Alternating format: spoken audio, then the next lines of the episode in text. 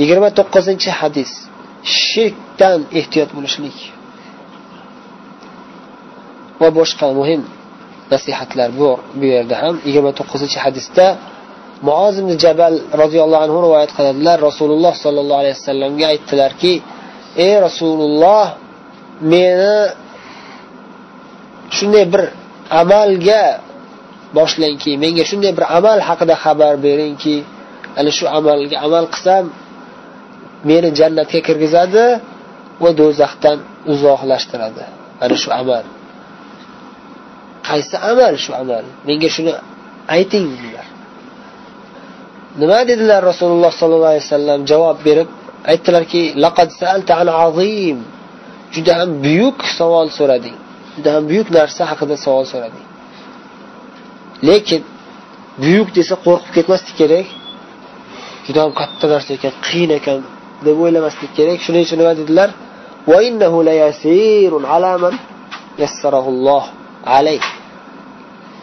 Va bu narsa ya'ni jannatga kirgizadigan amal do'zaxdan uzoq uzoq qiladigan amal yengil amal.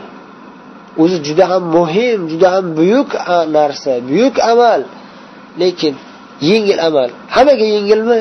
Yo'q. Hammaga emas. Alaman alayh kimgaki olloh uni yengil qilib qo'ysa shu odamga yengil bo'ladi bu amal. Nima ekan u amal? Jannatga kirgizib do'zaxdan uzoq qiladigan amal nima ekan? Vasiyat qilib aytyaptilarki ta'budulloha la tushriku bihi shay'a. Allohga ibodat qilasan va u zotga hech narsani shirk keltirmaysan. Ya'ni hayoting shunday bo'lsin. Bir marta ibodat qilib qo'ygin bo'ldi emas. Hayotingda doim allohga ibodat qilib yashagin va doim hech qachon biror bir narsani allohga sherik qilmagin. Va tuqimus solah besh vaqt namozlariga ishora qilib aytadilarki namozni qoyim qilgin. Namozni ado etgin. Tuqim iqomat qoyim mukammal bajo qilgin. Mukammal ado etgin. Aytasan. Va zakotni berasan. Alloh farz qilgan zakotni kambag'allarga yetkazasan ya'ni. Berasan. Va tasumu ramazon ramazon ro'zasini tutasan. Va tahujjul bayt. Baytga ya'ni kabatullohga allohning uyi kabatullohga haj qilib borasan. Ana shu eng buyuk va eng yengil amal kimgaki olloh yengil qilib qo'ysa. Yana keyin undan oliy darajaga ko'tarilishni xohlaganlariga yana vasiyat qilib aytyaptilarki kechasini ichida kechalari ya'ni kishining namozi dedilar ya'ni kechasi tahajjud o'qishlik dedilar mana shu vasiyat dedilar juda ham muhim amal jannatga yaqin qiladi kirgizadi do'zaxdan uzoq qiladi tahajjud namozi va tahajjud namozi haqidagi oyatni tilovat qilib xabar berdilar rasululloh sollallohu alayhi vasallam تتجافى جنوبهم عن المضاجع يدعون ربهم u zotlarning ya'ni haqiqiy mo'minlarning yonlari yonlari a'zolarining yon taraflari maboji yotadigan joylaridan tatajafa uzoqlashadi. Nima uchun? Qanday qilib nima uchun uzoqlashadi? Yaduna va alloh taologa duo qiladilar ibodat qiladilar. Kechalari turib ya'ni kechalari turib tahajjud o'qib xavfan va tamaa ollohdan qo'rqib do'zaxdan qo'rqib va tamaan allohning savoblarini jannatini tama qilib ya'ni umid qilib orzu qilib nima qiladilar? Kechalari o'rindiqlaridan turadilar. Ko'rpalarini olib tashlab turib tahorat qilib tahajjud o'qiydilar. Ana shunday zotlarga alloh taolo shunday mukofotlarni va'da qildiki shu qilgan amallariga hech kimni hayoliga kelmagan. Juda ham buyuk savoblar bor deb va'da qildi jannatda. Keyin rasululloh sollallohu alayhi vasallam yana vasiyatlarda davom etdilarki men senga masalaning eng asosiy yerini aytaymi dedilar. Ya'ni har bir ishning boshi nimadan boshlanadi? Va amudi ustuni asosiy kuch quvvati to'plagan ustunini ham aytaymi? Va zirvatu sanabi eng cho'qqisini ham aytaymi dedilar. Qultu bala ya rasululloh ayting ey rasululloh albatta dedilar muoz shunda rasululloh sollallohu alayhi vasallam aytdilarki rasul amril islom har bir ishning boshi islomdan boshlanadi. Eng birinchi narsa islomga kirish. Eng birinchi narsa eng birinchi vazifa islomga kirish. Ustuni nima desa islomning ustuni namoz dedilar. Namoz o'qisa islom tik turadi. Bo'lmasa yiqilib islom yo'qolib ketib qoladi. Dindan chiqib ketib qolish xavf juda ham katta bo'ladi namoz o'qimasa. Cho'qqisi nimasi eng cho'qqisiga chiqaman islomni. Hamma amallarni bajarib eng cho'qqisiga chiqaman desa jihod faqat jihod qilib namoz o'qimasdan yursa demak cho'qqisiga chiqa olmaydi. Namozga mustahkam bo'lish kerak.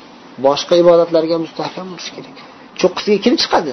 Pastdan amal qilib chiqqan odam chiqadi. Darrov jihod qilib ketaman desa har doim ham muvaffaq bo'lavermaydi. Jihodni shartlariga rioya qilish kerak. Ba'zi o'rinlarda jihod farzain bo'ladi hatto musulmon bo'lsa bo'ldi namoz o'qimasa ham hali tavba qilishga vaqt qolmay qoladi. Ya'ni o'zini tuzatib tavba qilishga vaqt bor lekin tez tavba qiladi lekin islomni qolgan amallariga fursat yetmay qoladigan holatlar bo'ladi. Farzain bo'lib qoladi jihod ba'zi o'rinlarda. Ana shunda keyin aytamizki jihod qiluv darrov u hali cho'qqiga chiqishim ancha bor deb o'tirmagin fursat olloh sen cho'qqiga ko'tarib olib chiqib qo'ydi. Xohlasang jihod qilgin. Olloh olib chiqib qo'ydi senga tayyor qilib berdi. Agar hozir jihod qilmasang cho'qqidan o'zing yiqilib tushib ketib qolgan bo'lasan degan ma'noda aytiladi nasihat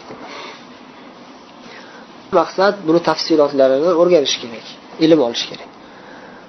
Keyin rasululloh sollallohu alayhi vasallam yana bir muhim nasihatga to'xtalib aytdilarki mana shu narsalarni hammasini ushlab turadigan bog'ichini aytaymi dedilar. Bala ya rasululloh dedi. Ayting ya rasululloh dedi. Tillarini oldilar. Tillarini chiqardilarda kuffa alayka hada mana shu tilingni tiygin. Ko'pchilik odam yaxshi odam bo'ladi.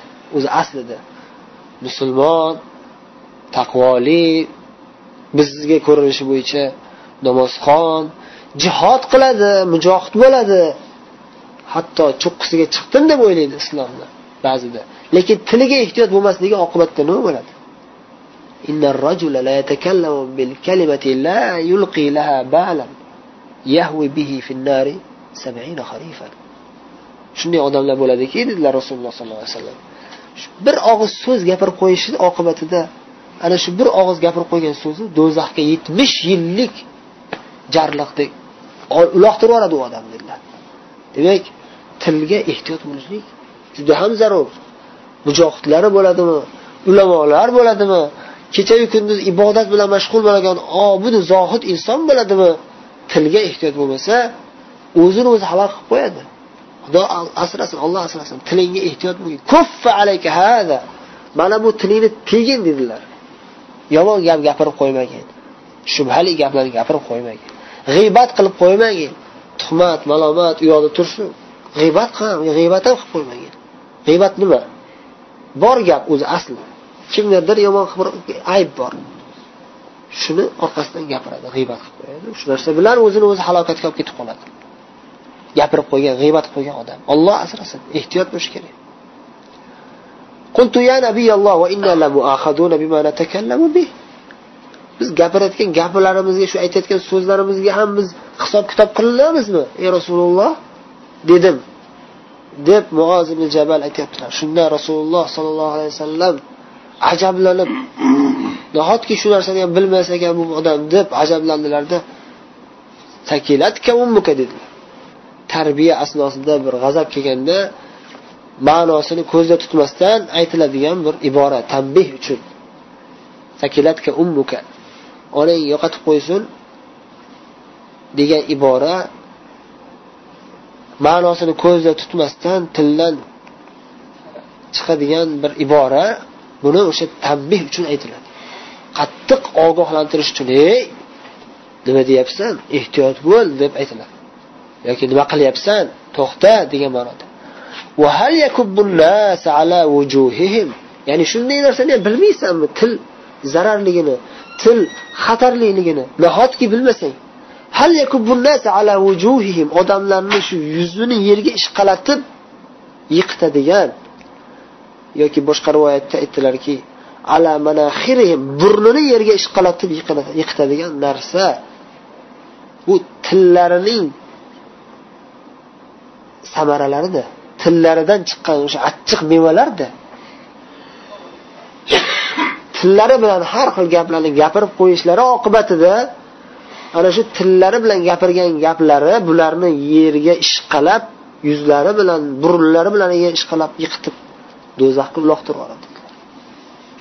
Billah. Allohdan panoh so'rab bunday holatlarga tushishdan alloh o'zi saqlashini so'raymiz.